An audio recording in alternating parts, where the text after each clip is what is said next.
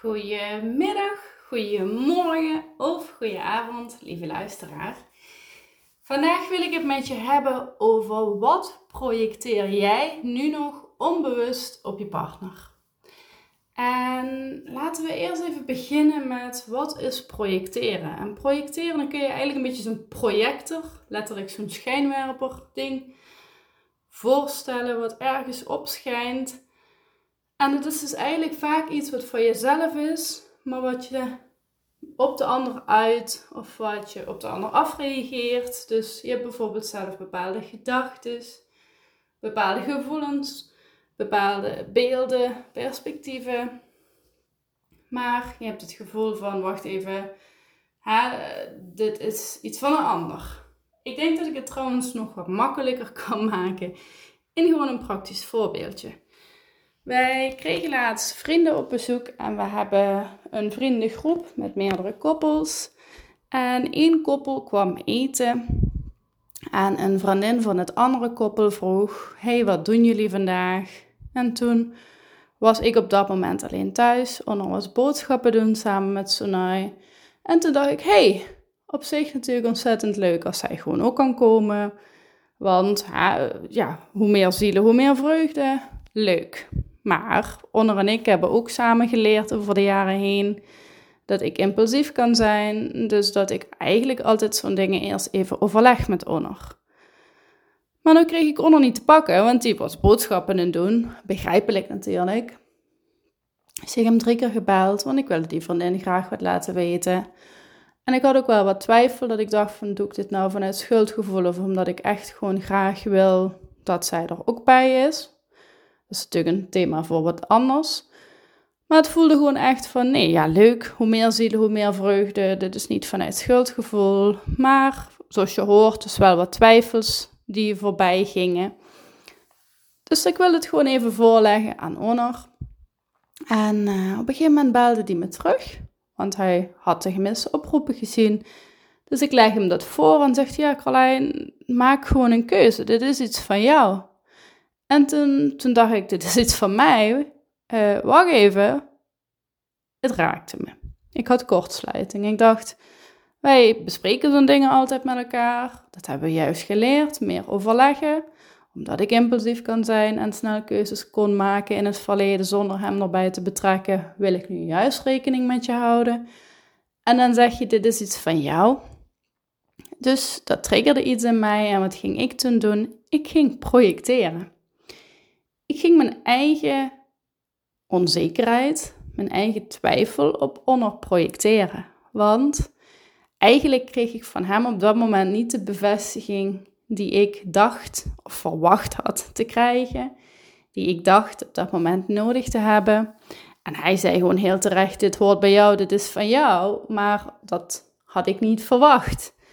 Dus wat ik deed om te projecteren, is te zeggen: ja, uh, als dit met jouw vrienden was geweest en jij had een afspraak met die vriend en de ander vroeg dan, zou je dat ook hebben gedaan? Dus wat ik eigenlijk ging doen, is het stukje waar ik me onzeker in voelde, of het stukje waar ik zijn bevestiging in zocht, dus waar ik me eigenlijk onzeker in voelde, ging ik hem ook proberen te laten voelen. Ik wilde hem eigenlijk ook onzeker onbewust laten voelen van ja, nee, jij zou dat ook zo doen. En dat is projecteren.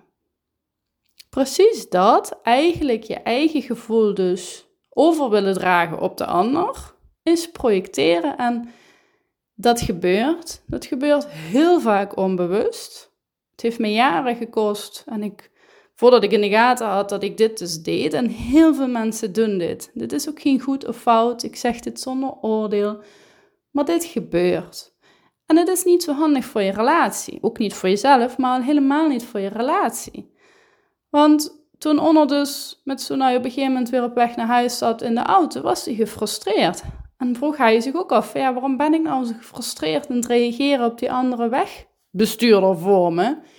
En dat kwam omdat ik eigenlijk mijn onzekerheid op hem was aan het projecteren. En dat is dus niet oké. Mijn gevoelens zijn mijn gevoelens, zijn gevoelens zijn zijn gevoelens. En daar zijn we zelf verantwoordelijk voor. Dus ik wil ook even vandaag een stappenplan toevoegen in hoe pak je dit nou aan als je geprojecteerd hebt? Als je dus zelf jouw eigen gevoelens, gedachten, beelden probeert op te dringen aan de ander, terwijl ze van jezelf zijn, terwijl jij ermee aan de slag moet en jij degene bent die aan zet is en niet je partner. Hoe ik dat heb aangepakt is stap 1 het dus herkennen. En dat herken je aan dat je dus dingen bijvoorbeeld gaat opdragen, ja maar jij, zo'n uitspraak. Stap 2 is het stukje verantwoordelijkheid nemen. Wacht even, ik heb geprojecteerd dan moet ik in de spiegel kijken van wat is happening with me? Wat voel ik nu? Nou, ik voel me onzeker omdat ik jouw bevestiging niet kreeg.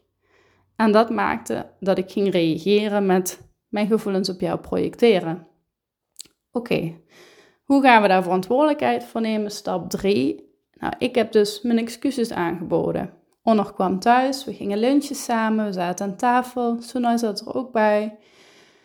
En ik zei, ik geloof dat ik je een apology verschuldigd ben. Want wat ik net deed, toen jij mij niet bevestigde in mijn keuze, dat ik dus die vrienden wel heel graag ook wilde uitnodigen, toen ging ik eigenlijk mijn onzekerheid op jou afschuiven.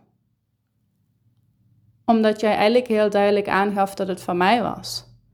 En daar had je gelijk in. Dat had ik niet moeten doen. Want daarmee zet ik jou op een ongemakkelijke positie.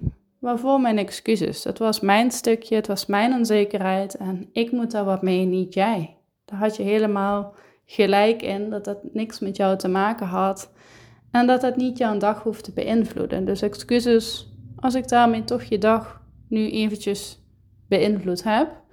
Ik ga er zelf mee aan de slag. Dat zijn de drie stappen hoe ik het aanvlieg. Dus het begint met herkennen, stap 1. Stap 2 is dus verantwoordelijkheid nemen. En stap 3 is het eigenlijk uitpraten of je excuses aanbieden. Ik ben benieuwd wat je van deze aflevering vond. Ik ga je vaker weer meenemen in dagelijkse dingen, in mijn eigen relatie, maar ook wat ik in de praktijk zie als relatietherapeut met koppels. Maar je kunt me ook altijd zelf een aanvraag indienen voor een podcastaflevering. Vind ik altijd heel erg leuk. Dat kun je doen via Instagram of per mail. Mijn Instagram is Wassen. Oké, wacht. Ik wilde nog wat zeggen. Nou ja, Carlijn Wassen. Carlijn met een K en wassen zoals handen wassen. Als je me nog niet volgt, doe dat dan ook heel eventjes. Dat zou ik heel leuk vinden. En tot de volgende keer weer. Doei!